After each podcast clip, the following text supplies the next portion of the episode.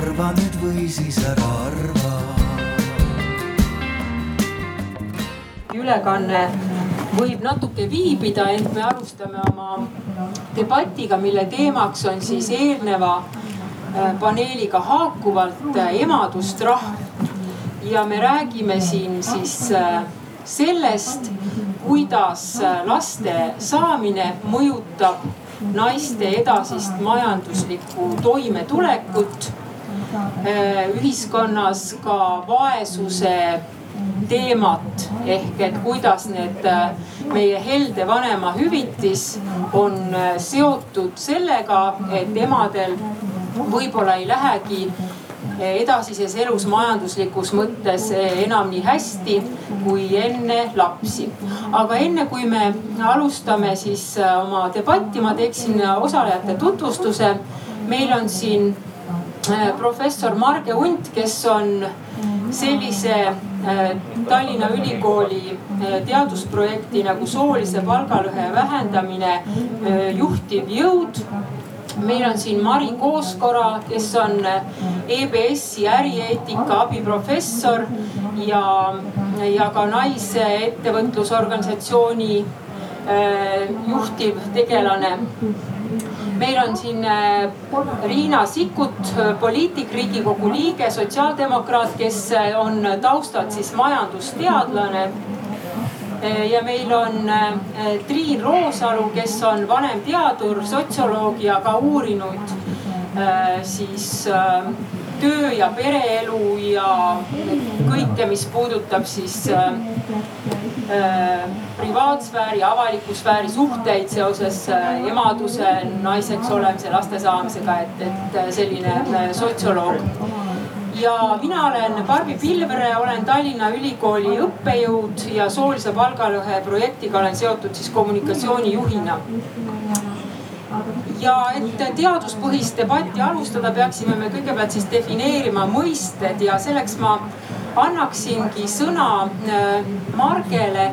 millest me räägime, kui me räägime emadustrahvist? Äh, tere minu poolt ja minu arust on suurepärane, et me saame siin Paides kokku iga aasta ja, ja tundub, et see kolmteist ja reede ja kolmteist ala, et äh, hoiab meid siin ilusti koos aga täna me tahtsime välja visata sellise takja, et rääkida tõesti emadustrahvist, millest väga palju räägitud ei ole. et mis see emadustrahv on või kuidas ta defineerida, et eks iga kord, kui rääkima hakata, tulebki ära defineerida. aga et eh, meie, kui me Reges analüüsisime, siis me vaatasime just nimelt aasta sissetulekut ja see aasta sissetuleku muutust ja noh, see aasta sissetuleku muutus saab sõltuda sellest, et kas käiakse üldse tööl või ei käida, kui palju tunde tööd tehakse ja kui suur on erinevus siis ka tunnipalgas. nii, et see oli siis see mõiste äh, sissetulekute äh, seos äh, Äh, ja tööl käimise siis äh, mõju ja naised siis, kes saavad äh, lapsed, on töölt ära ja sellega seoses nende sissetulekud muutuvad. aga milles üldse on probleem, Triin? kui naised on ju, eks ole, emad, nad võivadki ju vahetevahel olla, eks ole, kodus ilma rahata, kuna meil on ju pered, kus on siis teine rahateenija ja pere heaolu on siis tagatud ju teise inimese palgaga. et kuidas sotsioloog sellele minu mõttele reageerib? et ähm, äh, jah, tere minu poolt ka äh,. minu jaoks see, see, mis sa praegu viskasid õhku, et ähm, noh, kui meil on lapsed, meil on ju mõlemad lapsevanemad äh, ja, ja las see ema siis olla äh,. See, see on, see on väga veenev argument Äh, kui ta Eestis kehtiks samamoodi nagu ta on mõeldud, eks ole, mingisugustes äh, natuke konservatiivsemate korraldustega ühiskondades kehtima. aga, aga Eestis äh, ei ole need pered nii püsivad ja, ja kui need pered ei ole nii püsivad, sõltumata siis sellest, kas on abielus või on äh, ilma abieluta kooselud, et, et kuidagi, kui me mõtleme, et see abielust väljapool ehk siis kooselust sündivad lapsi on meil ju enam-vähem sama palju kui Skandinaavia riikides et siis selgub, et teismelise jaoks seal näiteks Rootsis elab palju suurem osa sellistest vabaabielust sündinud lastest koos oma mõlema vanemaga. Eestis ei ole teismeliseks saades enam see nii tavaline, et, et, et ka sellised püsimised on meil natuke haprad ja see tähendab üsna selgelt seda, et seda, seda isa sellist vastutust ähm, kahjuks ähm, meie ühiskonnas muul moel ei saa, kui siis, kui ta elab koos oma lapsega. Et, äh, et, et see on nii, nii selline üldine pilt, et see, selle vastutuse jagamine ei tule nii hästi välja. et Marge, sul oli isegi otseselt andmed, et Eestis on siis laste üheksa aastaseks saamine see kriitiline, keskmiselt see kriitiline aeg, kui pered võivad laguneda ähm võib-olla ma tuleksin äh, ka, ka emadustrahvi sellise mõõtmise juurde Eestis, et äh, kuidas seda vaadatud on. et Eesti selles mõttes on üsna harukordne maa, kus äh, osad uuringud on ka näidanud, et emad teenivad rohkem kui lastetud naised.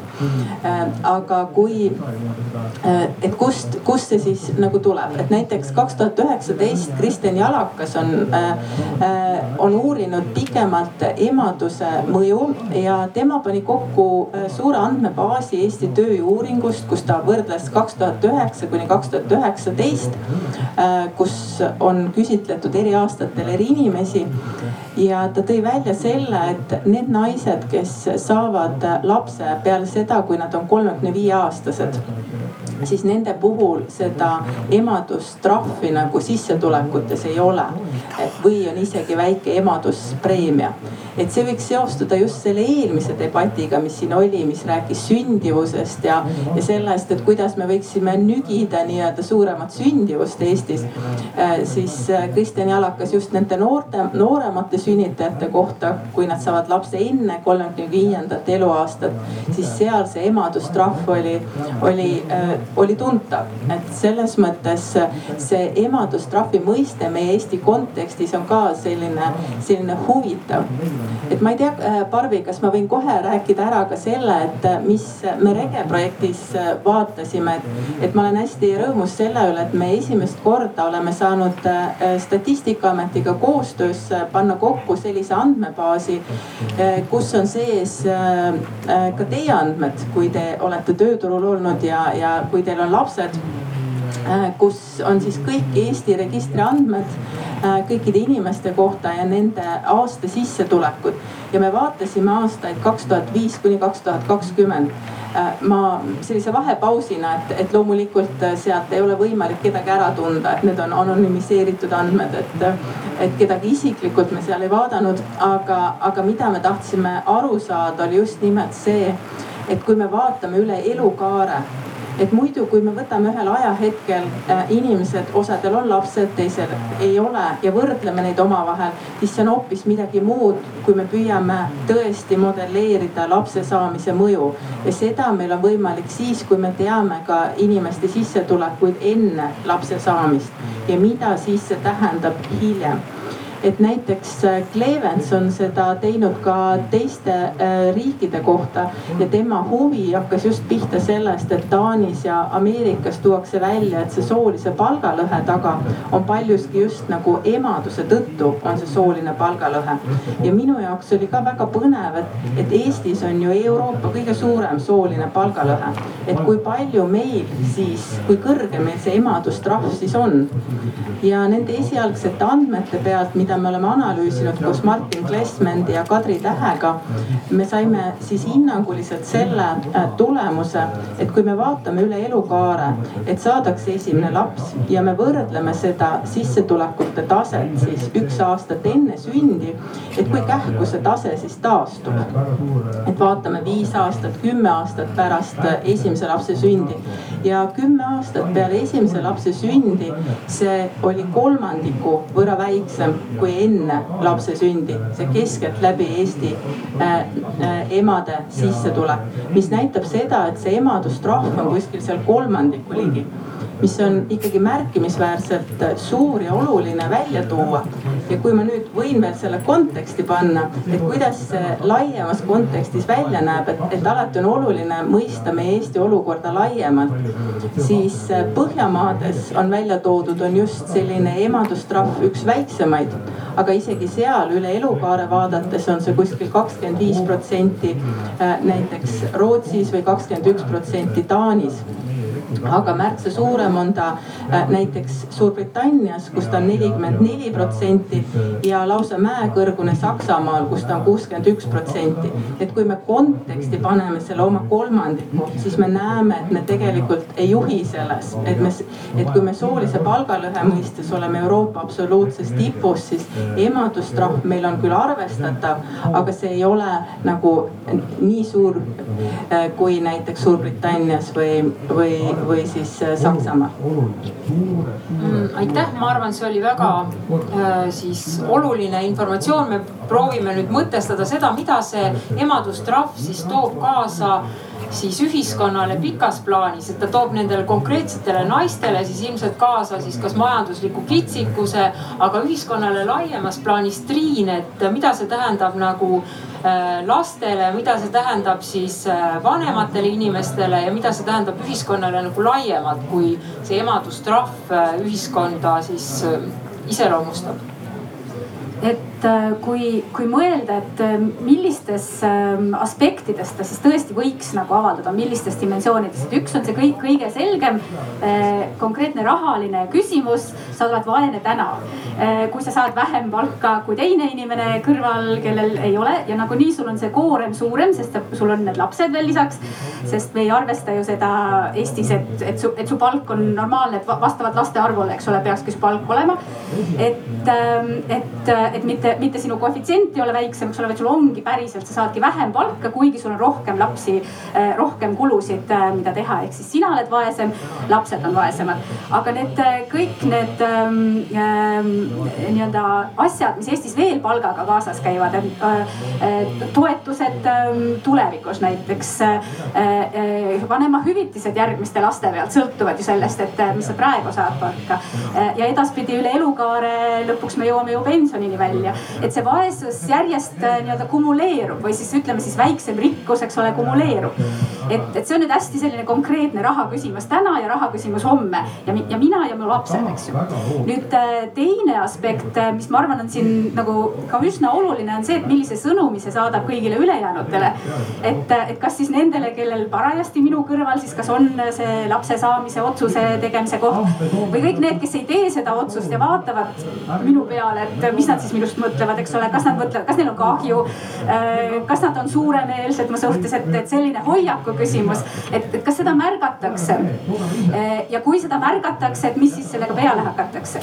ja kolmas dimensioon on ju, on ju absoluutselt need kõik need järgmised tulevikuotsused, mida, mida, mida tehakse siis äh, mitte täna, aga mida teevad järgmised põlvkonnad siis nende, nende, nende asjade najal, mida nad näevad, et Eestis äh, praegu on üsna, üsna väike selline vabatahtlik ilma lasteta jäämine ikkagi. meil ikkagi väga suur osa inimesi, äh, nii naisi kui mehi, äh, saavad lapsi ja nad ei pea seda äh, kuidagi nagu, ei ole ajalooliselt pidanud väga suureks nii-öelda liiga suureks lõivuks maksta nende laste saamise eest seda, seda saamata jäänud palka. tuhat üheksasada seitsekümmend sündinud naiste hulgast ainult kümme protsenti ei ole tänaseks lapsi saanud, meeste hulgast natuke enam et, et, et selles mõttes väga-väga suur osa tegelikult äh, teeb selle otsuse, aga on äh, Lääne-Euroopa riikides äh, väga selge valikukoht, mida tajutakse.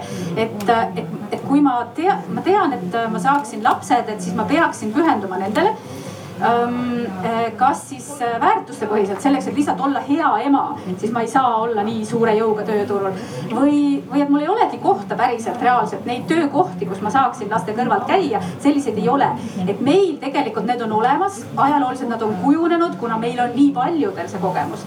Ja, aga, aga see sõnum, äh, et, et, et reaalselt me nüüd räägime ka ikkagi majanduslikust sellisest võrdsetest võimalustest ja me räägime ka vaesusest tulevikus selles võtmes ma arvan, et see on üks, üks sõnum, mida järgmistel põlvkondadel on palju kergem üle võtta, et äh, okei okay,, et see on tegelikult üks kaalumise koht, üks hind.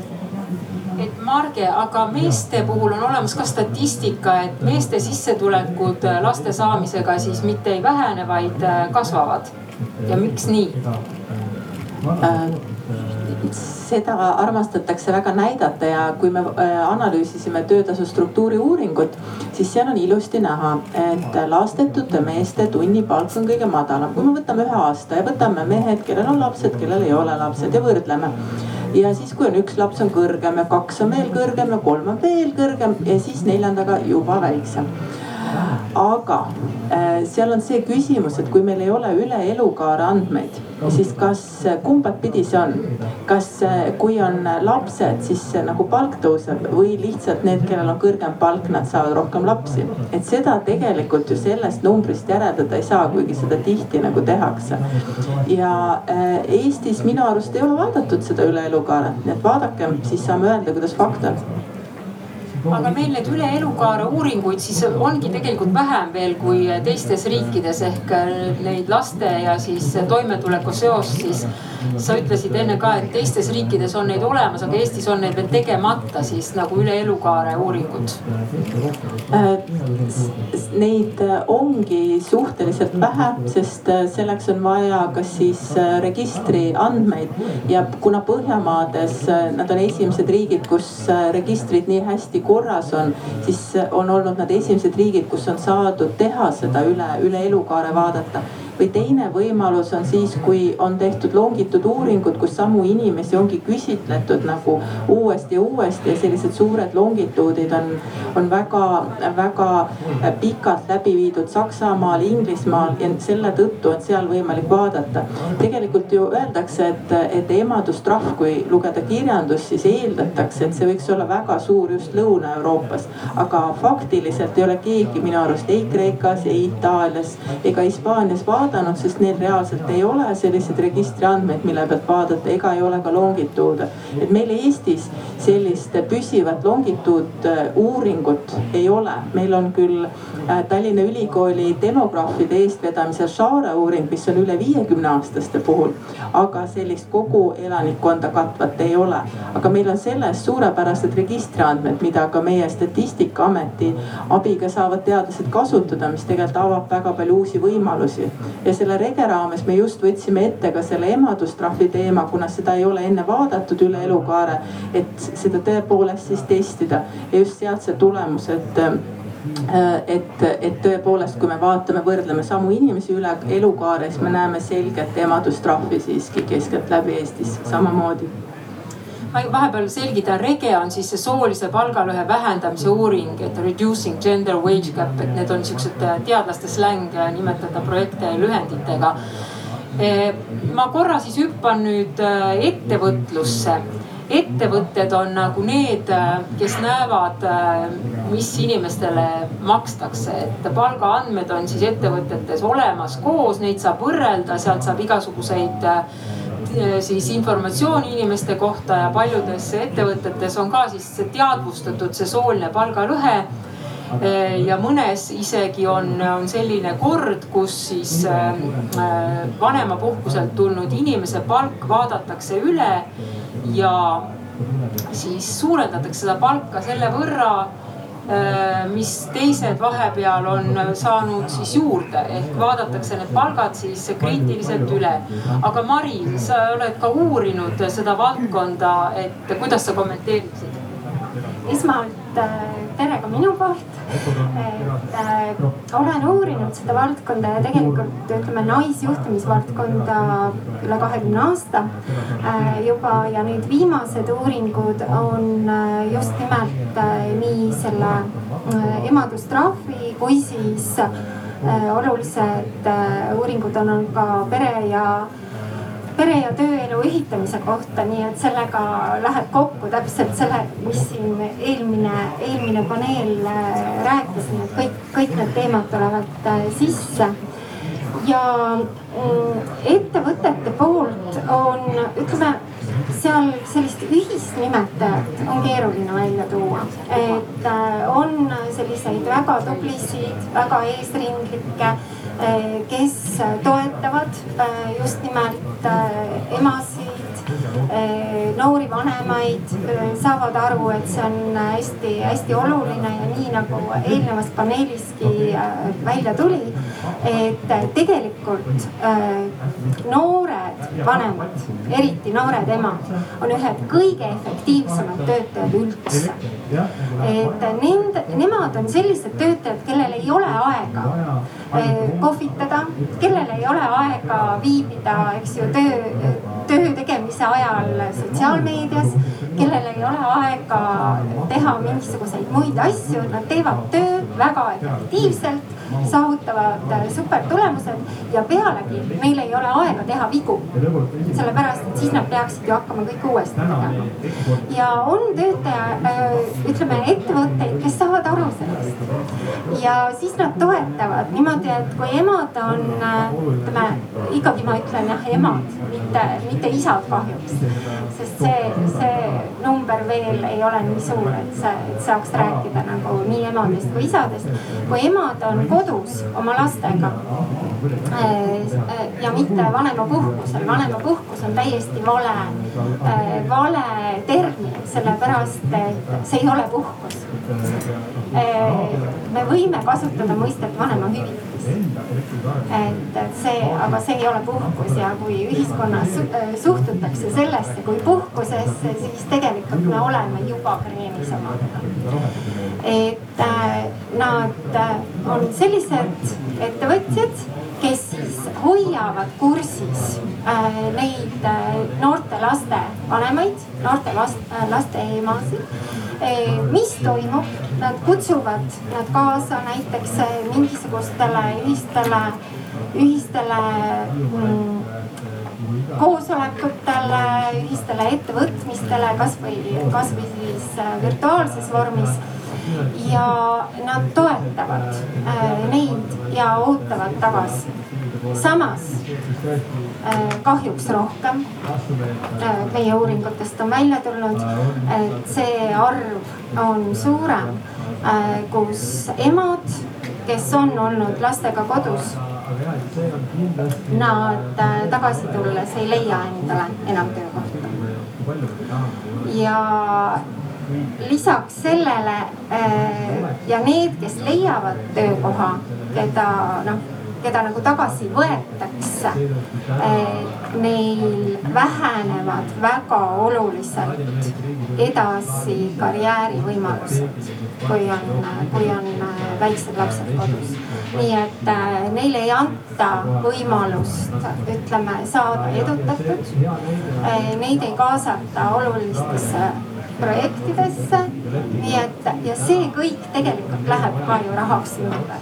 nii et äh, see nii et ühelt poolt ja teiselt poolt jah. ja see on tulnud välja uuringutest, et see ei ole lihtsalt mingi selline tõdemus. Et Eesti ettevõtluskeskkond on ikkagi äh, üsna siis selline karm ja loetakse raha ja võib-olla on vähesed asutused siis, kes, kes seda palka niimoodi korrigeerivad. Ja olen ka kohanud äh, sellist suhtumist, mis võib-olla ei olegi kuidagi ebanormaalne või et, et see naine seal kodus, et ta kaotab kvalifikatsiooni, teised on tööl ja arenevad edasi, et noh, mille eest ma peaksin äh, siis maksma, eks ole, kui, kui siis noh, mõne aasta jooksul võib-olla see palk tõuseb, et las see naine siis uuesti nagu näitab ennast. et Riina, sul on nagu omal selline kogemus, enne kui me läheme riigi ja siis ütleme sekkumiste võimaluste juurde. et, et su oma kogemus nagu sellisest äh, eksperdina emaks saamisest ja mis siis edasi toimus? Minu kogemus on positiivne. selles mõttes ütlen julgelt välja, et tööandja oli mõttekoda Praxis. ma olin neli pool aastat äh, lastega kodus ja, ja ühel päeval tuli üllatuslikult email, et aga allkirjasta oma töölepingu muudatus. ma mõtlesin, no ma ei tea, et võib-olla mingeid standard, mingeid äh, osasid seal vaadatakse ümber. Äh, ja minu palka, töötasu tõsteti saja euro võrra. no ette või mõttekoja jaoks see lisakulu ju ei tähenda, sest ma tol hetkel sain vanemahüvitist, mitte palka ja Annika Uudelepp siis selgitas, et ei noh, me vaatasime inimestel palgad üle, oli palgatõus ja me tõstame ka lapsega kodus olijate palka. noh, et need palgataset, tasemed oleksid loogilised või, või kuidagi võrdsed, et ei tekitaks sisemisi pingeid. ma olin väga üllatunud sellest. aga nagu nüüd olles kursis nüüd emadustrahvi asjadega, tegelikult see ongi normaalne. see, et kui inimene on neli või viis aastat kodus, jääb nelja-viie aasta palgatõusust ilma. finantssektoris need palgatõusud näiteks võivad olla päris äh, suured et noh, siis tõesti viie aasta pärast tagasi minnes, no võib-olla lähebki kümme aastat, enne kui sa oma laste saamise eelse aja palgani jõuad.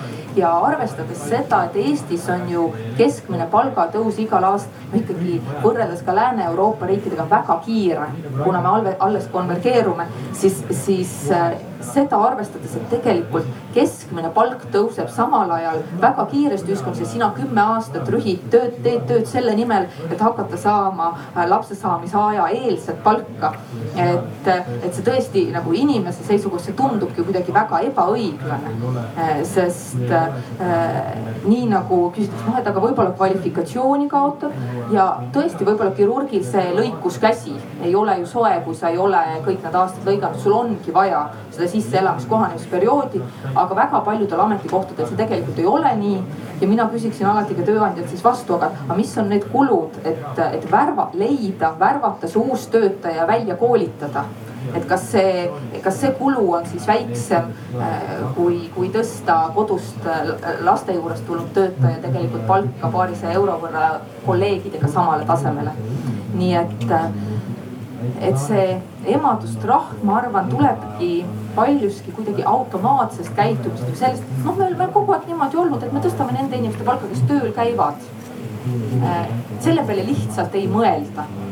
Et, et see ei ole jooksev kulu, kui inimene kodus on, aga kui inimene tööle tuleb, siis äh, vähendab sisemisi pingeid, tõstab ilmselt töötaja motivatsiooni. ja kui minu jaoks on olnud kogu aeg arusaamatu, et kui meie teeme näiteks Variga samasugust tööd kui me tõesti teeme, teeme analüüsi, arvutame ja oleme mingil määral profiililt sarnased, miks peaks meile erinevalt maksma? no tegelikult ei olegi ühtegi põhjust seda teha.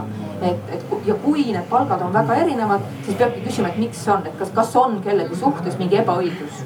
ma ütleksin vahele siin Triinu ühele vastusele kommentaaris, sa väga ilusti kirjeldasid, et, et mis see sooline palgalõhe emadustrahv kaasa toob ma jalutasin siia, tulin mööda sellest finantsvabaduse telgist ja ma arvan, et see on tegelikult äh, üks aspekt, millele me, me tõesti ei mõtle. jah, igapäevane, igakuine sissetulek on madalam, pension on tulevikus madalam, aga ega palgatöötajate sääst noh, ega see ei tule lotovõiduga, et kes tahab säästa, see peab iga kuu väikese summa kõrvale panema, nii nagu siin kuskil kõrvaltelgis väga vastutustundlikult selgitatakse. aga kui sul on see igakuine sissetulek madalam, sul on väiksem võimalus säästa ja noh, tulemus ongi see nagu kas kahe aasta tagune Eesti Panga ja uuring näitas, kus tõesti esmakordselt vaadati kõigi Eesti elanike sissetulekuid, vara väärtust, nii korterid, autod, kõik asjad arvutati kokku ja see seis tegelikult on, on väga äh, nukker. on väga palju inimesi, kelle, kelle äh, sääst on, on madalam kui miinimumpalk näiteks. paljude inimeste sääst on kümne euro kandis, alumise detsiili sääst on kümme eurot, on see, mis on kuu lõpus arvel järgi. Et ja, ja see ei ole vähetähtis, sest noh, on see kümme eurot või tuhat eurot, aga lõpuks see säästu olemasolu äh, võimaldab sul elus mingisuguseid valikuid teha on see siis tööalaselt või laste tuleviku osas mingeid riske võtta, midagi ümber otsustada. Ehk siis lisaks igakuisele sissetulekule, mis võib-olla sul toidupoes äh, annab põhjust teistsuguseid valikuid teha, siis ka laiemalt elus, ma arvan, väga vähe mõtleme sellele, et mis on see noh, ma ütlen nagu psühholoogiline pinge või stress sellises olukorras elades. Ja mingisugused otsused, mida sa enda jaoks võib-olla välistadki, mida sa ei tee. ja kui, kui see puudutab ainult ühte sugu, siis see mõju ühiskonnas laiemalt võib olla ka tegelikult midagi sellist, mida me võib-olla siis tulevikus sotsioloogide uuringutest nägema hakkame aga mis see mõju laiemalt on, et võib-olla ma lähen nüüd selliseks natuke spekuleerima, me läheme kohe andmete juurde tagasi. ja aga et kui naised on vaesemad kui mehed keskmiselt, kuidas see ühiskonnas nagu, mida see mõjutab, et võib-olla vastupidiselt see järsku hoiab hoopis peresid koos, kui ei ole majanduslikku vabadust. et sa oled nagu sunnitud äh, leppima, et ütleme, sul ei ole minna kusagile, sa oled vaene, et sa pead nagu hoidma peret koos, kuna muidu sa lähed, eks ole, oma lastega vägivaldse mehe juurest ära. kui sul on valik, aga kui sul valikut ei ole, siis su pered püsivad koos, et võib-olla see vaesus aitab üldse, ma nüüd tõesti siis. kirjeldab mingit düstoopiat. et see on mingi õudne düstoopia, aga ma usun, et Eesti elus see väga sageli võib ka nii olla, et äh, ma ei tea, Barbi, ma lihtsalt võtan üle, et, et meil on meil on äh, sotsioloogidena äh, päris mitmed rahvusvahelised uuringud ja ühe raames me just nimelt äh, teeme intervjuusid, et, et küsida naiste käest, et kuidas nad töö ja pereelu ühildavad. ja ühe naise lugu lihtsalt jagades, kuna tihtipeale on, on ju raske, et kuidas, kuidas sa neid lugusid tood välja ja temal oli just täpselt see, ta oli sellises olukorras, kus tema mees oli vägivaldne ja ta, ta mõtles, et ta lihtsalt peab sellest välja tulema ja kaks aastat tagasi ta Äh, ta siis äh, läkski äh, naisteabikeskusesse, kus, kus aidati selles mõttes, tal lihtsalt anti öömaja tema kahe lapsega.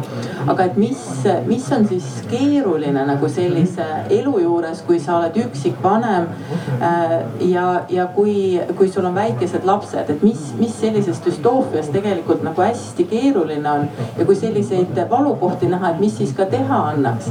et tema, kui temalt me küsisime, et mis võiks siis olla teisiti või kuidas sa näed, mis see hetkel su kõige suurem kitsaskoht on? et tema oli oma elu nüüd kahe aastaga saanud enam-vähem paika, et meil ju Eestis on mõned asjad väga hästi. näiteks ju väga pikka aega ei olnud võimalik äh, elatisraha nõuda, et pidid ise jooksma kohtusse ja püüdma seda kätte saada, et hetkel on Eestis võimalik saada elatisraha ka sellel ajal, kui kohtuvaidlus käib või kui ka otsus on tehtud, see on välja mõistetud, aga teine pool ei maksa seda. et tema oli nagu selles mõttes sai riigilt seda elatisraha, aga tal ei olnud võimalik käia täisajaga tööl, sest äh, ta lapsed on erivajadusega ja tal on vaja suuremat paindlikkust. ta ootab, tal on plaan valmis, et kahe aasta pärast siis, kui ka väiksem käib koolis, äh, saab ise nagu minna siis kooli ja saab kauem nad kodus hakkama, et siis ta saab ka pikemaid päevi tööl teha. aga hetkel ta selles väikses kohas, kus ta on, ei näinud muid võimalusi, kui olla hooldaja. ja mis see kitsaskoht on, on just see, et see, mis talle pakuti võimalusena, oli käsundusleping mis tähendab, et viimase selle kahe aasta jooksul tal ei ole olnud nädalatki puhkust, sest käsunduslepinguga ei ole puhkust. ja samas, kui see ongi see põhitöö, mida teha ja ta, kui tal on äh, pikemalt äh, mingid probleemid lastega, siis ta püüab küll nii palju tööl käia kui võimalik, aga alati ta ei suuda teenida seda miinimumpalka. aga kui käsunduslepinguga miinimumpalka kokku ei ole, siis jääd ühe kuu pärast ka ravikindlustusest ilma. et selles mõttes äh, sellised probleemid nagu võivad äh, väga tugevalt kuhjuda. Äh, ja, ja, ja selles mõttes on väga palju meil vapraid inimesi, kes, kes teevad neid väikeseid selliseid mikromanageeringuid, kuidas ikkagi rõõmu tuua. et seesama lugu, mis ma jagan, et lihtsalt ka selle positiivse külje poolt, et, et näiteks äh, seesama naine käib tööl ühistranspordiga, kuna meil on ühistransport tugevalt subsideeritud, see on väga odav ja selle arvelt ta püüab kõrvale panna just nimelt bensiiniraha raha, et nädalalõppudel lastega midagi koos teha, väikseid väljasõite, et neil oleks äh, vahva lapsepõlv. et äh, lihtsalt jagades sellist lugu ja neid kitsaskohti. et äh õudus, et reaalsus on tegelikult väga karm. Eestis on väga palju selliseid lugusid. aga ma läheks nüüd tagasi võib-olla nende palgamaksjate või ettevõtjate juurde, keda Mari on uurinud, et, et kuidas ettevõtjad võib-olla siis tuleksid selle peale, et äh, nende emade olukorda siis parandada selle äh, kaudu, et vaadata üle seda palka või arvestada sellega, et siis on osa siis töötajatest, kes kes kasvatavad eh, lapsi, mida kõik nagu ootaksid kuidagi, aga kui asi läheb nagu eh, reaalsete olukordade ja lahendusteni, et siis kuidagi võib-olla ei ole see nagu see esimene aspekt, mida arvestatakse, et mida siis nagu tegema peaks seal ettevõtlussfääris, et noh, ütleme ettevõtjatel on kõik loevad tõenäoliselt raha ja seda ei ole kunagi üleliia. et mis see peaks siis olema? jah, üks asi on kindlasti teadlikkus, et äh, paljud ei tule üldse selle peale, et, et selles äh, võib nagu mingisugune probleem olla või et, et kuskil, kuskil mingisugused teistsugused võimalused olemas. aga mis veel rohkem kui noh, ütleme see kuiv, kuiv, kuivad numbrid või kuiv statistika on tegelikult asi tahtmises et ja, ja nendes samades stereotüüpides, ühiskondlikes väärtustes ja, ja selles, et mida ja keda siis tegelikult hinnatakse. et äh, üks asi, äh, kuna ma olen, äh, ärieetika on minu, minu valdkond ja ma räägin hästi palju väärtustest, siis üks asi, mis tegelikult näitab väärtusi Äh, ja nüüd igaüks võib mõelda selle peale. Äh, tegelikult näitab väärtusi see, mida mõõdetakse mida üldse küsitakse tõesti, mida mõõtma hakatakse? mida mõõtma hakatakse ja kui nüüd noh, kui mõelda selle peale, et mida nagu ettevõtetes põhiliselt mõõdetakse, eks ähm, no inimene, inimese toimetulek, heaolu ei ole esimesel kohal. jah, aga seda mõõdetakse kuluna, eks, seda ei võeta kui investeeringut mitte kui vara kasvatamist ja noh, üks asi veel, et äh, väide human resource management see tuleb ära keelustada. see on täiesti vale asi. Resource on ju see, mida, noh, ma võin küsida teie käest, mida tehakse? kasutatakse tootmissisendina, kasutatakse ressursse no,. täpselt, mida veel raisatakse, eks ju on ju. et äh, tegelikult me räägime ikkagi äh,, ikkagi inimkapitalist ja kui me suhtume inimestesse kui kapitali, siis on suhtumine, väärtustamine hoopis teine tõepoolest, et terminid äh, räägivad iseenesest, aga Triin, ma põikaks tegelikult ettevõtjate uuringu juurde, mida ju soolise palgalõhe uuringu raames tehti värskelt ja ettevõtjate suhtumine siis ka tööjõu väärtustamisse tuli päris ilusti välja. keda väärtustatakse Eesti tööturul, mis tüüpi inimesi? No ikka ideaalseid, selles mõttes ikka ideaalseid. et need, kes on kogu aeg olemas ja kogu aeg jaksavad ja, ja kogu aeg teevad, et see on nagu ju ilmselge, et see, et, et aga kui nüüd tõsisemalt nende intervjuude tulemuste juurde minna, siis, siis tõepoolest päris mitmed juhid ütlesid selle palga ja soolise ebavõrdsuse selle kohta, et ei ole kunagi nagu mõelnud selle, ükski töötaja pole mu juurde tulnud selle küsimusega. personalijuht ei ole mulle öelnud, et see võiks teema olla. et, et kuidagi seda oli, seda oli nii lihtne öelda, et ma ei ole kunagi selle peale mõelnud. on legitiimne mitte mõelda selle küsimuse peale ja on legitiimne öelda Eestis, et ma ei ole mõelnud selle peale, et mõnes teises kontekstis see ei oleks lihtsalt nagu sa ei ütleks seda. sa mõtleks mingi asja välja, mingi põhjendus et eh, ehk, ehk siis see, see, see dimensioon lihtsalt ei ole päevakorral. ja kui me nüüd mõtleme, ehm, ma mõtlen tagasi nende uuringu tulemuste peale, siis, siis tegelikult seda, seda emade või, või selle emaduse sellist noh, problemaatikat saaks välja tuua võib-olla nagu kolmel täitsa eraldi tasandil et üks on nüüd see, need tõepoolest need raskused, mis emadel on suuremad kui nendel, kellel ei ole lapsi. et kui sa lihtsalt oma tööd teed, äh, et kuidas oma aja planeerimisega, laste korraldamisega, nende samade kuludega, eks ole, toime tuled. et äh, see ei pruugi absoluutselt mõjutada seda, kuidas sa tööl oled. sul võivad olla mingisugused ressursid kuskil, ressursid kuskil väljapool seda tööandjat ja töösuhet, mida sa rakendad ja, ja, ja, ja sa tuled toime ja nii. nüüd teine tasand on see, et kui, kui reaalselt sul on mingisugused vajadused, mida sa oled tööandjale teavitanud, näiteks, et ma pean ikkagi õhtul need lapsed lasteaiast ära tooma. et teeme, kui me saaks nii teha, et meil ei ole koosolekud õhtutel, et, et, et või et mingil kooli vaheaja ajal võib-olla parem oleks, kui minu välissõidud ei oleks sellel ajal või komandeeringud, et, et mul on nagu oma lastele mõeldud see aeg, eks ole. et äh, õnneks meil on Eestis seadus põhimõtteliselt toetab seda, eks ole, et, et vanemal on õigus äh, küsida. ja nüüd on küsimus, et kuidas tööandja korraldab tööd niimoodi, et sellel emal vastavalt tema vajadustele on, on võimalik äh, seal täiest äh, panustada. ja ma ei nõuaks, et nad peaksid olema just kõige paremad või rohkem tulemuslikud kui teised äh, töötajad, aga noh, et nad saaks samavõrra panustada, et neil oleks loodud tingimused panustamiseks.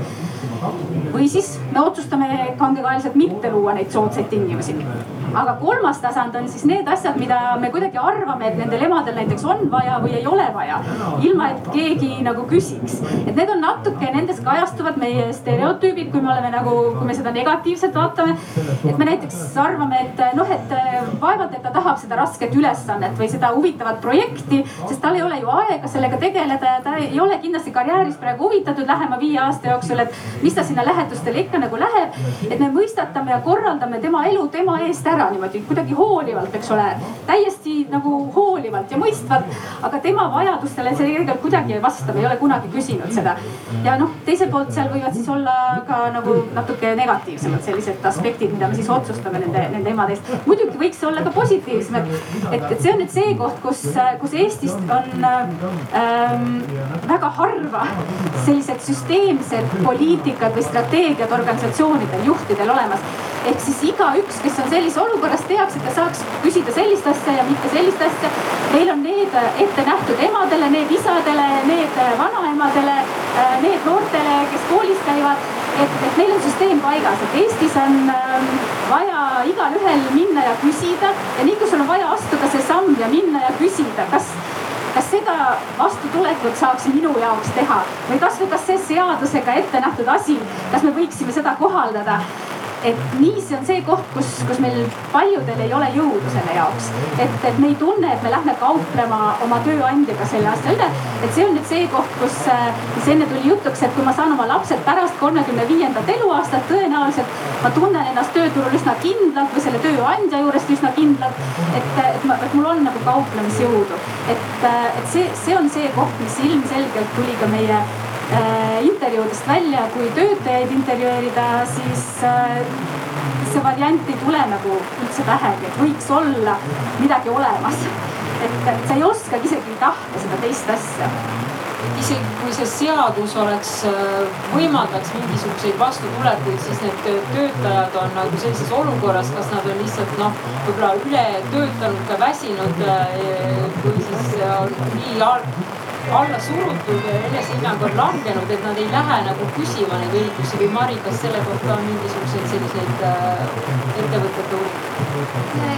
jah, et äh, kui ma nüüd äh, nagu mõtlesin selle peale ja, ja nende konkreetsete näidete, noh, et need uuringud on alati nagu, et kahelt poolt, et üks asi on see, et saab mingisugused numbrid paika ja teine, teine on see, et siis äh,, siis äh, need lood lood, lood, mida, mida konkreetsed inimesed räägivad. et hästi palju ikkagi, ma, ma tulen selle peale, et hästi palju on äh, kinni, kui rääkida ettevõtetest, on kinni ettevõtete juhtidest. ja ettevõtete juhtide enda äh, äh, väärtustest, enda nagu nägemusest äh, ja üks asi, mis veel välja on tulnud, on see, et äh, kui ettevõtte juht on ise samas olukorras.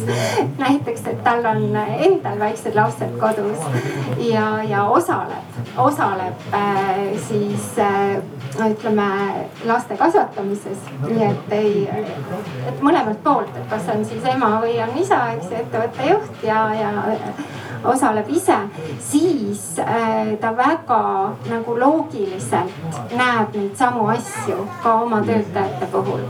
Ja, ja aitab neid, kaasab neid mm, vahel ka rahaliselt, aga isegi noh, rahaliselt, kuigi me räägime siin, siin numbritest et olulisem on just nimelt see keskkond, mis on loodud, need võimalused, mis on loodud ja, ja see toetus.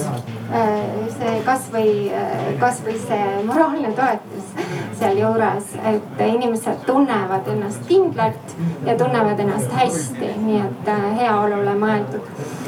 kui nüüd jälle teiselt poolt ütleme juhid, kelle lapsed on juba suured, tihtipeale need juhid ei ole oma laste kasvatamises osalenud.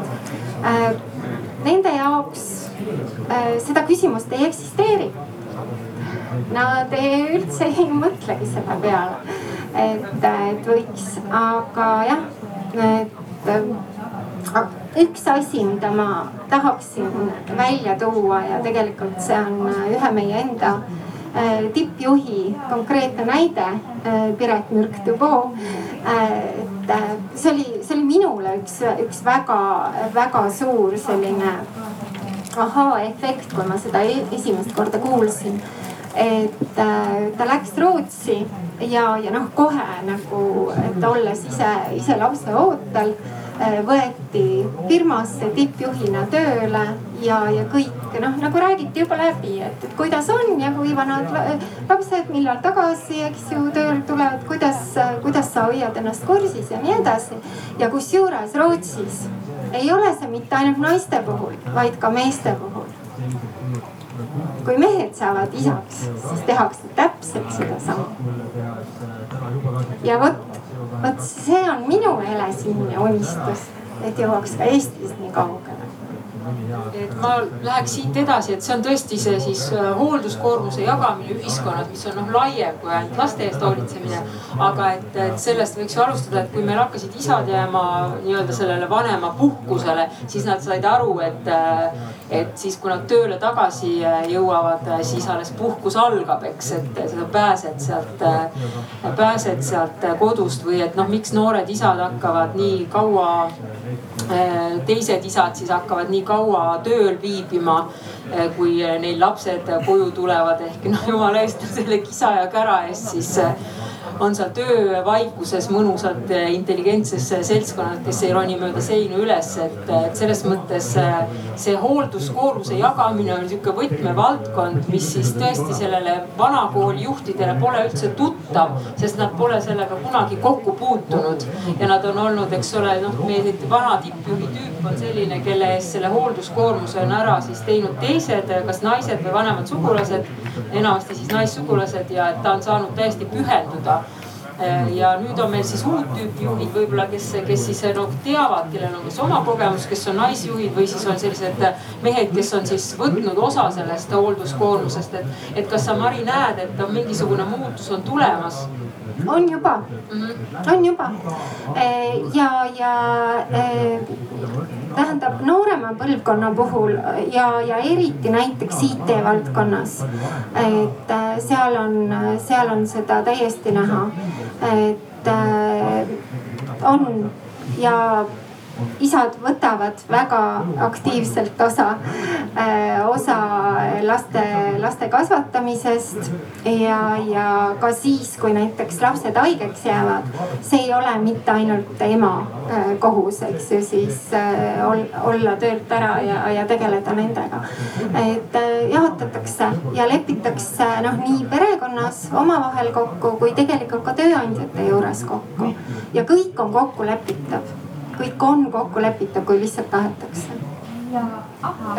Kas äh, Triin ja Marge, kas teile sotsioloogidena on ka juba ettevõtetes selline pilt vastu vaadanud, et, äh, et selline sooline palgalõhe on teadvustatud, et kui need on sellised uued progressiivsed ettevõtted, et äh, mul on just jäänud mulje, et vist tuligi välja, et see võib olla pealtnäha väga pehme, aga tegelikult see rahanumbrid on ikkagi suhteliselt erinevad. Äh, jah, et, äh, et ma selles mõttes natuke ise nagu jään vähem entusiastlikuks selles osas, et aja jooksul lihtsalt asjad loksuvad paika nagu, nagu paljud äh, noh, juhid ja, ja, ja, ja töötajad ise ka ütlesid, no järgmistel põlvkondadel kõik on nagu teistmoodi. Et, ähm, et, et päris, päris nii ei ole. üks, mida me küll märkasime, oli see, et, et noh, näiteks noh, kui sa mõtled uue noore organisatsiooni peale, mõni startup, eks ole et ta lihtsalt järsku näeb, et ta on sellises olukorras, et mul ongi kogu ebavõrdsus on välja kujunenud juba, sellepärast et ta lihtsalt selle ebavõrdsuse teema peale absoluutselt ei mõtle ju, kui ta ennast loob. ja, ja, ja siis, kui sa lähed niimoodi, et sa nagu teed loomulikult neid asju, mida sa loomulikult teed, vot siis nagu tuleb välja, et kujuneb ebavõrdsus. ehk siis, et see usk, mis on paljudel, et ebavõrdsus kujuneb siis, kui sa teed teadlikult ebavõrdsust. ja kui ma olen hea inimene, ma ei tee ju ebavõrdsust nagu selles mõttes, et ma ei kohtle neid naisi halvemini, ma ei maksa neile ju põhimõtteliselt vähem palka. ja kui ma ei ole midagi valesti teinud, siis ei saa valesti asjad olla. aga, aga vot just seesama asi, et, et need struktuursed ähm, küsimused, mis ühiskonnas on nii-öelda lahendamata ja vastamata, et need vaikimisi siis äh, konkreetse organisatsiooni seisukohalt ähm, kui sa lähed vaikimisi nende asjadega, siis ta lihtsalt kujunebki välja ja, ja, ja seal ei ole, et sa võid nagu tahta või mitte tahta, et, et, meil on küll äh, siis, äh, see tähendab need organisatsioonid, kes kes tunnistavad, et jah, meil on tegelikult palgalõhe küsimus või meil on mingisugune ebavõrdsuse küsimus. Need on need, kes on juba nagu pikki aastaid sellega tegelenud, kes, kellel tegelikult on poliitikad paigas, kes oskavad seda ise märgata ja, ja kes siis on midagi juba, juba ette võtnud. teised, kes ütlevad, meil seda probleemi muidugi ei ole, need on siis need, kes pole kunagi vaadanud sellele probleemile otsa et sa rääkisid struktuursetest asjaoludest, et noh, ettevõtja võib sulle ka öelda, et kõik on väga individuaalne, eks ole, iga tööandja, töötaja on juhtum omaette, et need palgaerinevused nagu tulevad sealt ja need erinevad, need erinevad kohtlemised tulevad sealt, et kõik töötajad on erinevad. aga sa vaidleks siis, sotsioloogid vaidlevad sellele vastu, ütlevad, et erinevused on struktuursed võivad olla ka normidest ja eelarvamustest tulenevad, et tihtipeale võib ju olla ka selline iseenesesttäitulik äh, ennustus, et minu jaoks oli väga huvitav üks, äh, üks uuring, mida Bernard ja Correll läbi viisid, et nad proovisidki testida suhteliselt hiljuti. et kahjuks seda, see uuring on tehtud äh, Ameerika Ühendriikides, mitte meil Eestis. aga nad just püüdsid testida diskrimineerimist, nagu suhteliselt keeruline ju testida, et kuidas me siis testime. ja nemad tegid äh, CV-d, äh, kus äh, CV-d olid, olid pisut erinevad, aga siiski selles mõttes taseme mõttes identsed, kus nad varieerisid siis seda, et kas sugu oli mees või naine ja kas olid lapsed või ei olnud ja samas seal toodi küll välja inimeste oskused ja kogemused, aga jäeti ka ruumi sellise kaalutlemisele, et mitte ka nagu, nagu piisavalt infot, aga mitte ka väga palju infot ja siis paluti hinnata neid, neid inimesi, nende sobivust sellele ametikohale.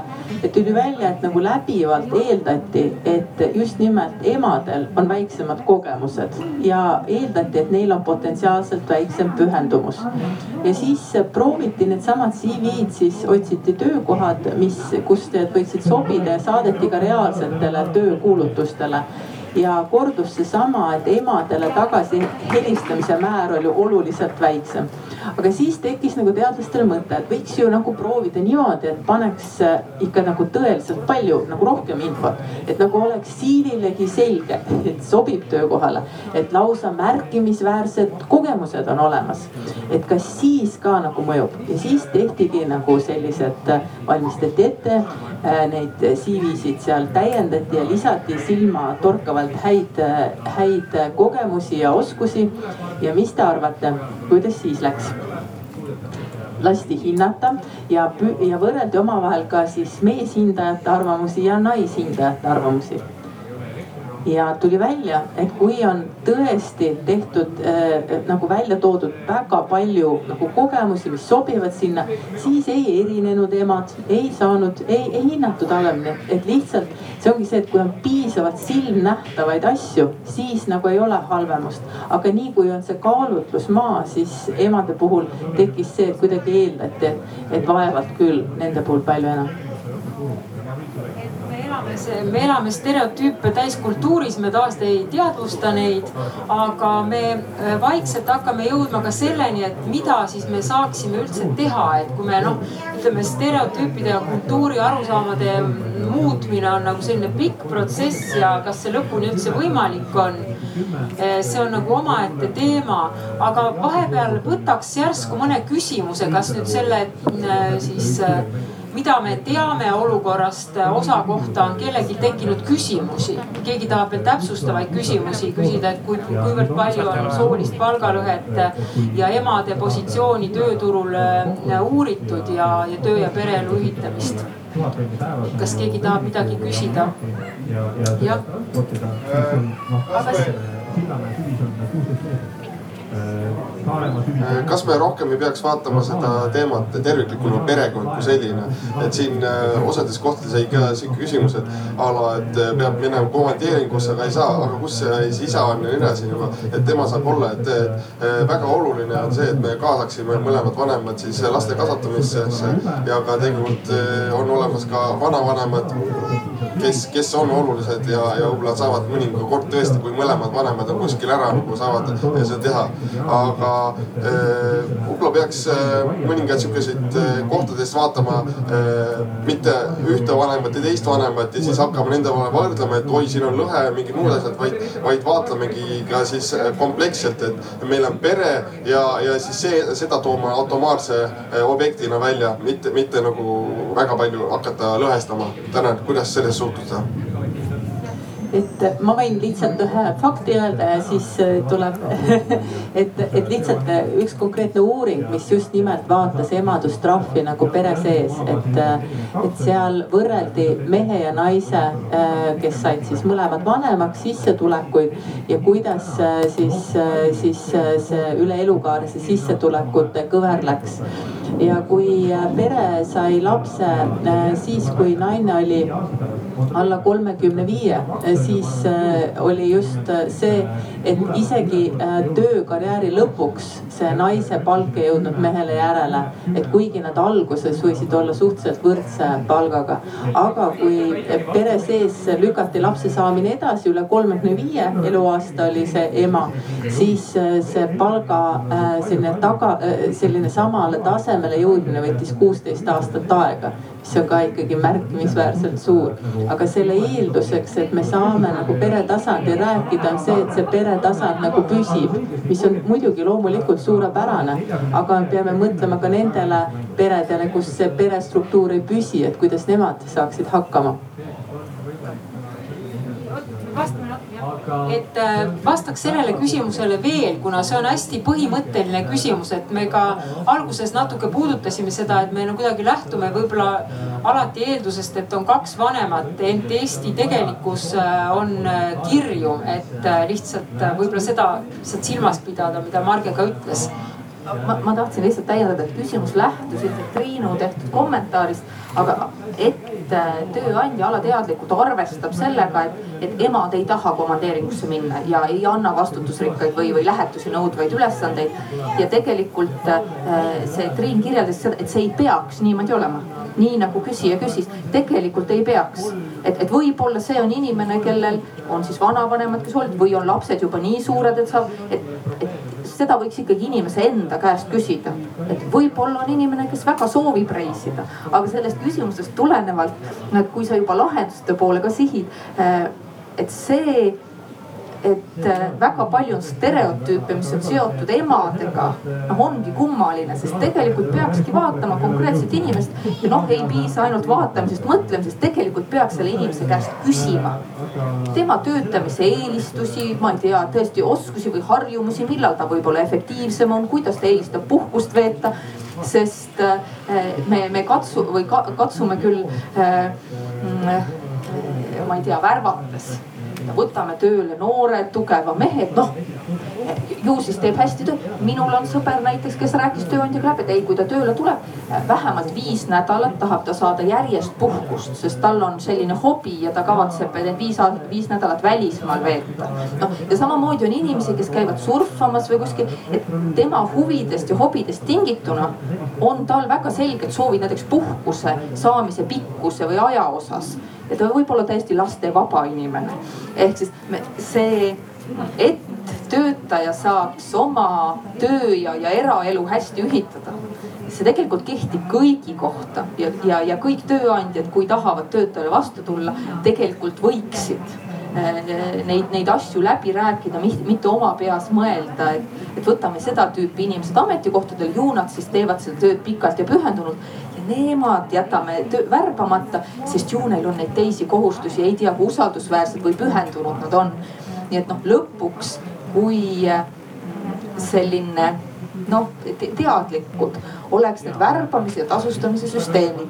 et me ei opereeriks nii palju sellega, et noh, et kuidas alati olnud on või kogu, kogu aeg tehtud on. et see minu eelmine kord jagatud näide Praxise kohta, kus, kus mina sain, minu palk tõusis ka lapsega kodus olemise ajal. See oli siis umbes vist kuus aastat tagasi. Peale seda on juht juba kaks korda vahetunud ja kuulsin sellel suve jooksul, kus lapsega kodus olnud kolleeg ütles, et oi, aga ma sain, ma sain töölepingu muudatuse, mu palk tõuseb. ehk siis midagi sellist, mis üks juht omal ajal juurutas, kui see on positiivne, kui see on midagi, mida töötajad väärtustavad ja võib-olla ka ootavad edaspidi, seda on keeruline ära kaotada, see muutub kuidagi selle organisatsiooni kultuuri osaks ka, ka järgmised inimesed võib-olla oskavad seda oodata, see on midagi, mis üle võetakse. nii et nii nagu sa ütlesid, et need asjad, mis nagu ebavõrdsus, see tekib iseenesest. kui teadlikult ei tee otsuseid, et seda vähendada või selle vastu minna, siis see tekib iseenesest. ja kui sa teed otsuseid kujundab värbamispoliitika, on see siis soopime või vanuspime värbamine näiteks. või, või tasustamissüsteemid, mis tõesti võtavad arvesse inimese tööpanust, mitte seda, mida sa arvad selle kohta, kui efektiivsed on emad tööl või kui äh, pikki tööpäevi tahavad noored isad teha. et, et kui sa võtadki arvesse päriselt seda, seda töö tulemust ja panust ja, ja tasustad inimesi noh, nii, et seda ebavõrdsust hoiakutel põhinevat ei, ei tule sisse.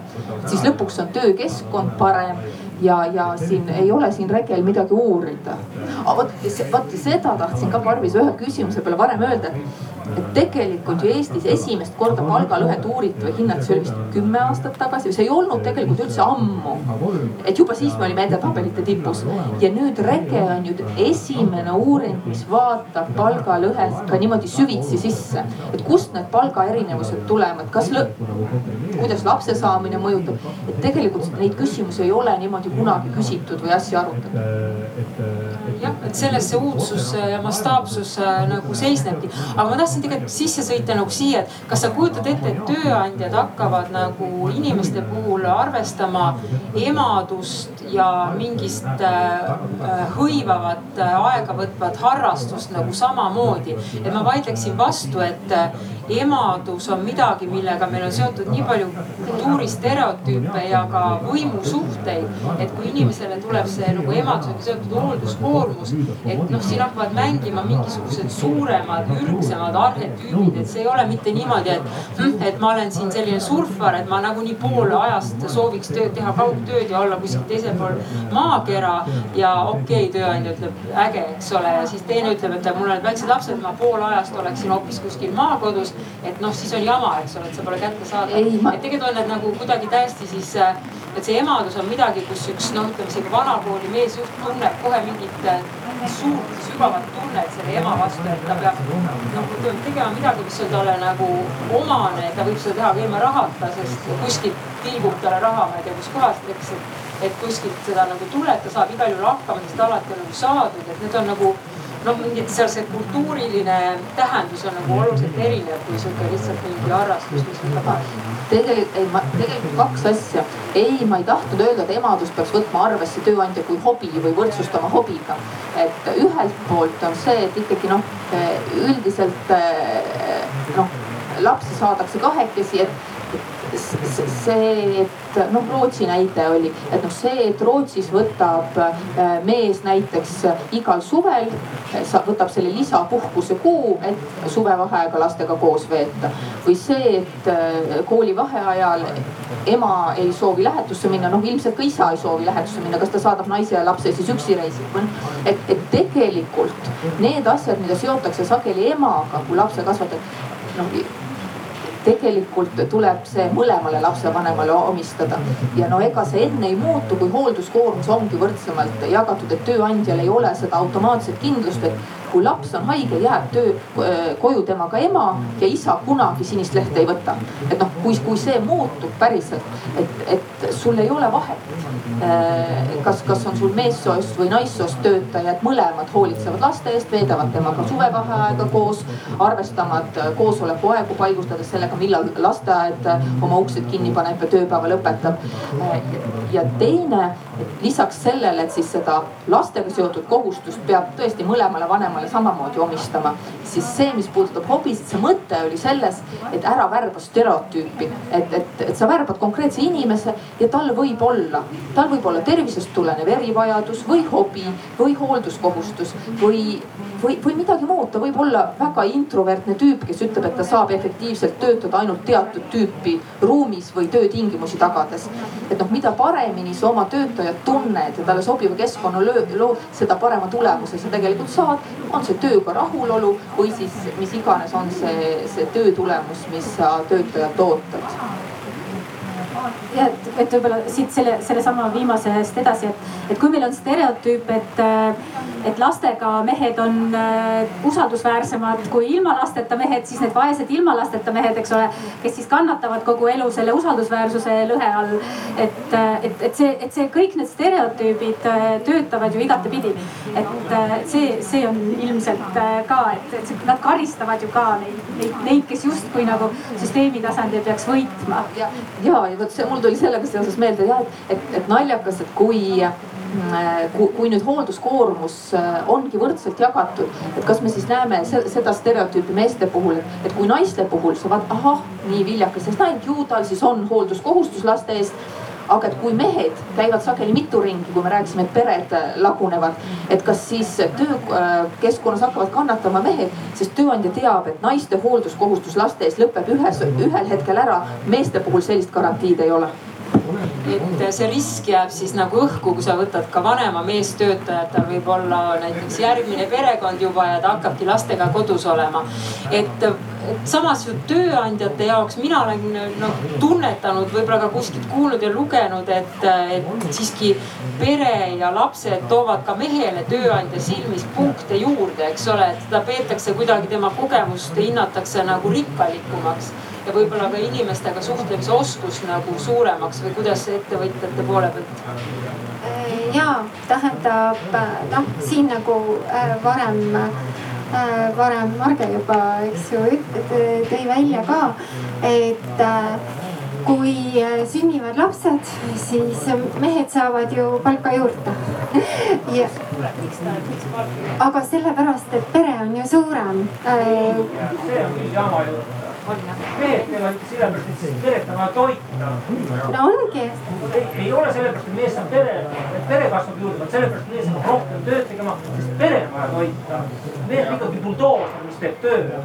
ühiskond püsib selle peale tähendab jah, aga noh, ütleme uuringud, uuringud näitavad, et, et tegelikult nii on ja, ja suhtumine muutub ka. et ja, ja noh, naiste puhul siis, eks ju on, on see kahjuks, kahjuks vastupidi, nii et. see, see on seesama, mida Marge enne kirjeldas ju, et ja, kas, ei, et ei, et kas äh, paljulapselised mehed saavad rohkem palka või nad saavad lapsi sellepärast, et neil on noh, et, et neil on võib-olla potentsiaal kõrgemat palka teenida, see on see põhjus, miks nad julgevad palju lapsi saada et tegelikult Eesti puhul me võime öelda veel, et see on nagu müstika valdkonda küsi-, puutuv küsimus, meil tegelikult faktilist materjali ei ole näidata üle elukaare. Et mida on vaadatud, ongi vaadatud läbilõikeliselt ja seda tõesti on, et, et kui mehel on rohkem lapsi, siis tal on keskeltläbi kõrgem palk, see tõuseb kuni kolmanda lapseni, siis hakkab langema. aga et nüüd, mis võikski olla, me rege raames lihtsalt ei jõua seda ära teha, aga tegelikult seda tulekski puhtalt vaadata päris andmete pealt, et kui mees saab isaks, kas tema palk ka siis tõuseb ja sellesama nagu ikkagi sama inimese kohta andmed üle elukaare, et enne lapse sündi ja pärast. et siis me saame nagu seda võrrelda, sest muidu me kogu aeg eeldame või oletame seda. statistika ei saa seda näidata, te näete seda hetkel ära potentsiaali. mees hakkab teenima sellepärast, et tal on peretoim, teen seda ta ei. muidu ei jõua see Facebooki kaudu. tänan julgesin väita seda, et äh, mees ikkagi hakkab teenima sellepärast rohkem raha, et tal on põhjust seda kulutada. kui mehel ei ole lapsi, milleks siis pingutada selleks hirmsasti töö tegemisele, siis on see hobi ja jama. Mees saab lapsed, siis on tal nüüd põhjus iga päev tööl käia, kuni kolmanda lapseni, nagu ütlesite, teeb üha rohkem. neljandast ilmselt enam rohkem ei jõua. Tunnid saavad päevas otsa. Fine, aga minu küsimus oli tegelikult paljuski selles, et te räägite ema, emadustrahvist, see on selline, ma saan aru, et naised saavad vähem raha, aga nüüd nagu vastupidisel küsimusel või vaatajal peaks küsima, et kas siis tahaksite öelda, et tööl käimine on lõbu ja lebo? et mees hakkab rohkem tööl käima, siis see on lihtne. no ei ole. mehed teevad ju rohkem tööd ja ega see töö ei ole lihtne, ei ole kodus ma ei ütleks, et kodus on lihtne, ega tööl ka ei ole lihtne. ma isegi väidaksin vastu, ma olen olnud lapsega kodus. koduolik oli lebo, see lapse kasvatamine, töö oli raske. see oli tõesti köki-möki kodune, kodune lapsekasvatus, ma isegi teenin rohkem kui naine sellel ajal. mis sest, et me lapsi kasvatasime. ja millega tahan jõuda edasi, millega siis mehed maksavad selle eest? Te panete tähele, mehed maksavad vanaduslõhega, see on umbes sama suur kui palgalõhe.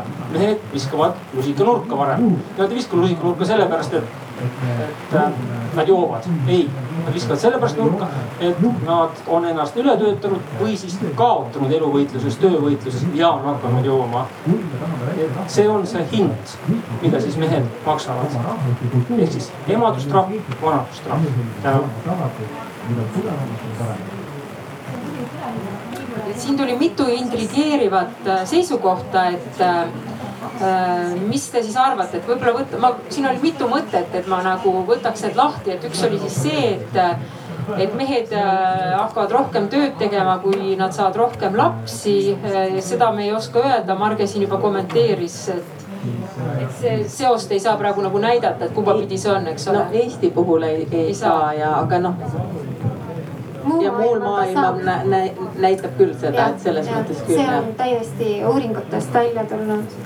Ja tegelikult noh, üks asi, mida mina tahaks öelda, oluline on ikkagi tasakaal et, et noh, et see, et ühele poole paneme emad, teisele poole paneme isad, ühele poole naised, teisele poole mehed.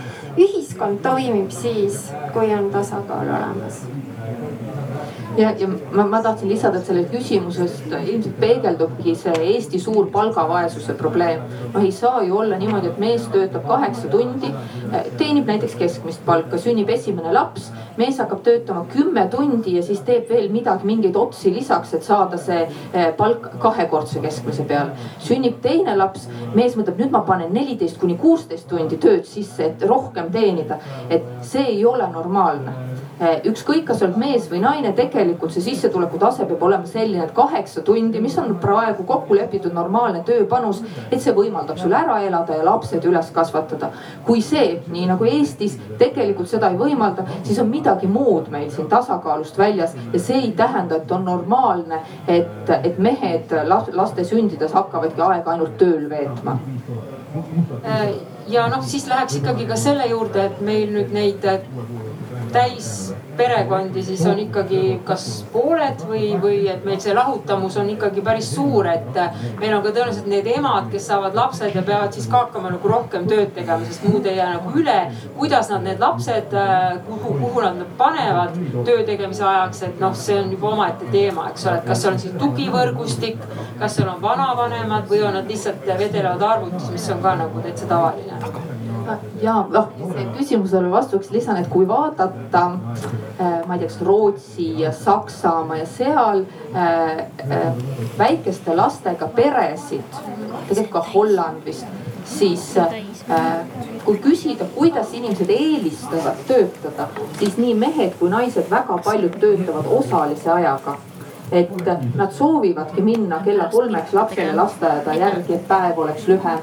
et, et kui, kui tööelu ja, ja korraldada perede eelistustest lähtuvalt, siis see ei ole mitte see, et, et üks pool töötab, on see mees või naine, vaid see, et mõlemad saaksid kasutada paindlikku tööaega või töökohta äh, või töö või sellist töötamise aega valida ka, et, et ja, ja võimalikult hästi siis oma peremustrisse see sobitada. et, et see, see ilmselt ongi see tasakaal, mida Mari ka rääkis. et ei ole nii, et sa pead valima ühe, teise või kolmanda, aga neid variante, selliseid pehmeid, paindlikke variante peaks olema mitmeid ja palju. ja noh, Eesti paindlike töövormide kasutamises äh, on, on tagumises otsas Euroopas, asi on paremaks läinud ja, ja tõesti neid inimesi, kes töötavad kas osalise koormusega äh, või, või töötavad kodust või, või osaliselt kodust. et äh, neid tuleb aegapisi juurde. noh, tegelikult oleks huvitav vaadata, mida see koroona nüüd siis tegi, et kas tuli hüpe ja kui järsk see oli ja kas see hüpe on kuidagi soospetsiifiline et ma, ma siia vahele pean kohe ütlema, et kui koroona tuli ja siis naised äh, Äh, tegid äh, kodus nii kodutööd, äh, oma palgatööd ja siis ka õpetajatööd. Ja siis oli ka selliseid arvamusi, et noh, et kodukool okei okay,, et pered leiavad lahendused, see oli meie vist tollane peaminister Jüri Ratas, kes noh, tõenäoliselt ongi, tal on hästi tore naine, kes leidis lahendused kõikidele teemadele ja et kõikides kodudes olid omaette lahendused, et igalühel on meil tõenäoliselt kodukooli lugusid rääkida, et, et mis, mis seisundis keegi äh, on olnud selle ajal, kui ta on siis äh, teinud äh, oma tööd, kõiki siis söögitädi tööd ja, ja koristanud ja, ja psühholoogi tööd ja nii edasi, et mis seal kodus parajasti on, kui need pinged hakkavad kuhjuma, et see koroona kindlasti andis meile õppetunni ja on ka mingi teeviid tulevikku, et tõenäoliselt see paindlikum töö on ikkagi nagu tulnud, et see ei kao selle, sellega ära, kui see äge faas selle viiruse teemal ka lõpeb, et, et see nii ilmselt on. aga Triin, tahtsid midagi öelda? Ja selles mõttes, et äh, loodetavasti ta on tõesti tulnud, peab nüüd mõtlema jällegi, et kas ta, kellele ta on kättesaadav, millistele ametikohtadele ta on kättesaadav ja nii edasi, et see, seal on ikkagi piirid. ja, ja kus on nüüd rohkem seda juba uuritud, Eestis on natuke seda uuritud, et siis ega need soo, soo, soolise võrdõiguslikkuse või võimaluste niimoodi tagasipööramine ajas on ikkagi üleilmne nagu trend olnud selle, selle Covidi ajal, et, et siis äh, tuleb vaadata. Äh, aga küll, aga ma tahtsin sellest ähm, äh, eelistustest, mida pered ise eelistavad.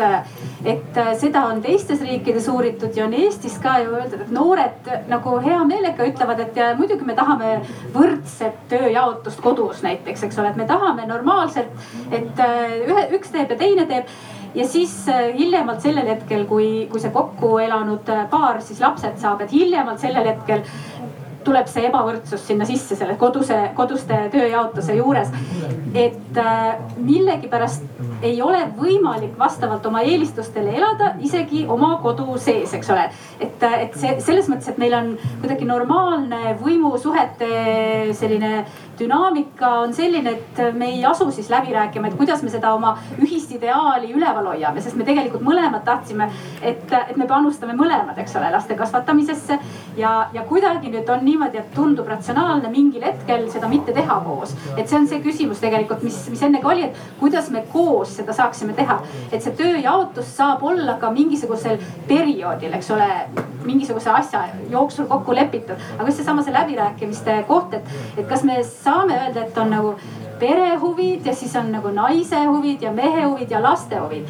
ja kuidas see pere huvid sealt siis nagu kokku nagu jooksevad, et, et mulle tundub, et see on üks selline päris hea edasimõtlemist vääriv küsimus et, et siin siis ma ei tea, kas, kui palju neid uuringuid on, et midagi siin EIGE, see Vilniuses asuv soolise võrdõiguslikkuse instituut on rahvusvaheliste uuringute siis äh, tulemusi avaldanud, et, et on näitajad, mis näitavad, et see naiste siis sooline võrdõiguslikkus on selles mõttes vähenenud, et naiste roll on nagu tagasi pööranud kuskile siis äh, kahekümnenda sajandi esimesse poolde või et, et äkki, kui see olud muutusid nagu keeruliseks, siis kuidagipidi selline nii-öelda see loomulik tööjaotus kuidagi taastus väga kiiresti, et, et ka sellistes progressiivsemates maades, et noh, ma ei tea Eestis, kas on tehtud juba midagi või, või on teoks koroona, kas sooline palgalõhe uuringus on selline aspekt juba sisse tulnud äh,?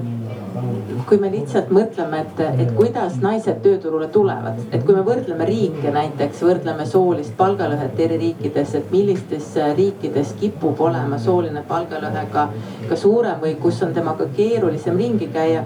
on, on just need riigid, kus paljud naised tulevad äh, tööturule, aga selleks, et naised saavad tööturule tulla, on ju vaja teha avada lasteaiad, on vaja see hoolduskoormus kuidagi ära jagada. et, et kui, kui sa tuled kodust välja, siis vähemalt mingi osa on vaja ära võtta. ja nüüd on selge, et kui need kohad, kus riik toetas seda hoolduskoormust, need pannakse kinni, siis keegi peab ju selle nüüd ära tegema, selle töö. ja nüüd me jõuame nende normide juurde, et kuidas antud riigis selline normid nagu on, et kui ära võetakse see, mis on riigi poolt panustatud, kes selle siis nüüd üle võtab. et kui on sellised võrdsemad vormid, normid võetakse võrdsemalt üle, aga vahel on ka mingid sellised noh, tõepoolest, et kuidas ka riik nagu reguleerib asju, et seesama, mis eh, nüüd järjest kahe tuhandete kümnendatest, kaks tuhat kümme alates on väga palju propageeritud, et oleks mm, vanema äh, siis hüvitise periood, mis on ainult meestele et just nimelt, et võimaldada seda, et ka mehed oleksid kodust väljas. et väga põnev raamat on Daniel äh, Grunov kirjutanud, kus ta just intervjueeriski noori paare, ta võttis neid, need noored, kellel olidki väga sellised egalitaarsed vaated ja nad ootasid oma esimest last. ja need intervjuud olid tehtud siis enne lapse saamist ja siis ta jälgis neid paare nagu hiljem. ja mis tõepoolest välja tuli, oli just nagu Triin ka välja tõi, et, et kui ikkagi jääb ema koju, siis kujunevad teatud mustrid välja ja, ja te, tekibki tunne, et niimoodi on ratsionaalsem, niimoodi me oleme ära õppinud. ja kui mõlemad lähevad ka tööturule tagasi, siis need on kuidagi sisse kujunenud ja selle sellise välja kujunenud rööbastee natukene väljatõstmine, selle mustri lõhkumine on just nagu nähtud, et see võimalus on, et kui isadel on ka see võimalus tulla ja panustada, luua nagu need omad mustrid, et siis on rohkem rohkem tasakaalus lihtsalt äh, siia juurde veel, et, äh, et lapsed äh, ei olegi lapsed ainult esimesed kolm aastat ega ka esimesed kuus aastat. et tegelikult äh, osades riikides on kokku lepitud, et isa võib võtta seda puhkust vanemad üldiselt võivad võtta seda, seda pikemat perioodi lapsega kuni kaheksa aastaseni ja osad ähm, paarid Skandinaavia riikides äh, lepivadki kokku, et isa on mingi aja just teismeliste lastega koos kodus. ja just planeeribki oma tööelu selliselt, et see aeg, kui siis emad saavad jälle minna rohkem nagu jõuga tööl. ehk siis see on nüüd see koht, kus võib küll kujutada ette perekonna sellist äh, ka nagu kokkulepet, mis jälle seab teatud äh, selliseid väljakutseid tööandjatele ja tööturule meil on nüüd kokkuvõtete tegemise ajaga, siin oli veel küsimus ja siis paneks korra selle Slido ka ette, et kas, kas on tulnud et.... Äh, ennem intrigeerivat küsimust, siis äh, väike märkus, et nii nagu siin keegi ütles, et äh, naine, kes tuleb tagasi või ema tuleb tagasi tööle, et siis ta teeb efektiivsemalt tööd ja nii edasi. samamoodi võin nii enda kui ka siis ka kolleegide pealt öelda, et ka isad mitte nad ei lihtsalt ei tee tundide võrra rohkem tööd, vaid ka teevad efektiivsemalt ja jätavad mitmeid asju ära nagu, et selles suhtes nagu väike märkus siin Riinale, et, et efektiivsus on ka oluline, jah, nad teevad rohkem, aga okei okay.. aga intrigeeriv küsimus, et äh, ma siin vaatasin seda osa ja teie pealkiri oli siis emadustrahve. Äh, ja ma, äh, trahvi tegemiseks on vajalik, et, et keegi teeb seda trahvi, aga no siin otseselt trahvi osa ei ole. aga kas selles suhtes oleks nagu mõistlik, kui see arutelu pealkiri või ütleme, selle teema pealkiri oleks emaduslõks mingil, mingis mõistes? tänan. teen selle vaesuslõksust on äh, sotsioloogid rääkinud, et emaduslõks oleks äh, termin, äh, mida võiks kasutada triin. Margel oli väga hea Margel. mõte, kuidas seda võiks nimetada hoopiski, et, et selle, selle trahvi asemel hoopis lõivuks, et see on üks selline lõiv, mida me maksame. võib-olla saame midagi vastu, võib-olla ei saa kas lõks on kuidagi liiga siis karm? Ei no vaesuslõks on ju see, et ei, ei vaesuslõks on see, et, et noh, sa oled vaesus, sul on nagu sealt keeruline välja saada, et sul on mingisugused asjad, mis takistavad sul elus muud. et ma kuidagi emaduslõksuks ei tahaks küll seda, et, et noh, et me ei taha ju emadusest välja pääseda. aga nii et, nii et see trahv, trahvi küll makstakse, aga ma saan aru, küsimus on selles, et ei ole kedagi, kes seda trahvi justkui nõuab.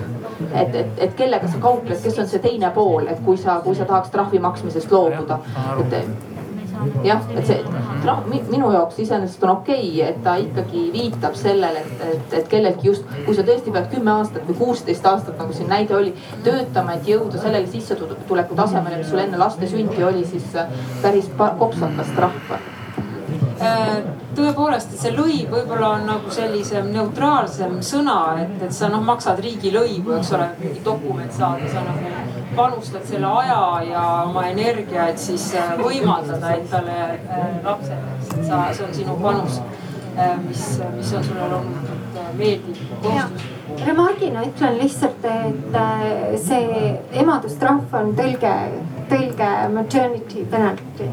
et, et see on, see on tulnud sealt, Williams on, on üks nagu põhi, põhiautoreid aga me võtame selle kokku nüüd, mida me saaksime teha, kas sellest trahvist kuidagi saaks lahti või see on kuskil seal vaikimisi kirjutatud sellesse meie, meie siis soolisesse süsteemi, et, äh, et me tahame nagu kõike ja siis me maksame nagu millegi eest, et äh, et võtaks nüüd lõpusõnadeks siis Triin ja järjest. kas need on need unistussõnad või nagu need sõnad, et et, et ma mõtlen, et meil on ju päris hästi välja tulnud, et meil väga suur osa naisi äh, saab emaks ja väga suur osa naisi panustab ka tööturule.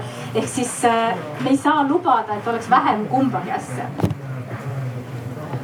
Ja kui need sammud, mida nüüd astuda tuleks, noh, ma arvan, et see, et me räägime palju uuring, uuringutest siin, see ongi väga õige, sest ega ma ei tea, terminit emadustrahv, ma arvan, väga paljud siin ja, ja väljaspool ei olegi kunagi kuulnud ja, ja kui tõesti ei ole taju selles osas, milline on siis lapse saamise mõju paljude naiste sissetulekutele, noh siis ei oska ei tööandja ega keegi teine reageerida, et vot see teadlikkus kui pehme asi, millest räägitakse, eh, see tegelikult on tähtis.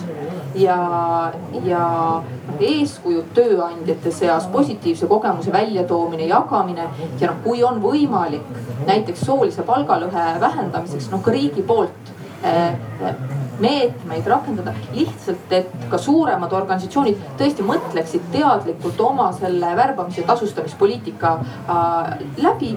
et ei oleks selliseid automaatseid alateadlikke kõhutunde otsuseid, mis võimaldavad tegelikult seda, et meil see emadustrahv eksisteerib ja kasvab või, või sooline palgalõhe püsib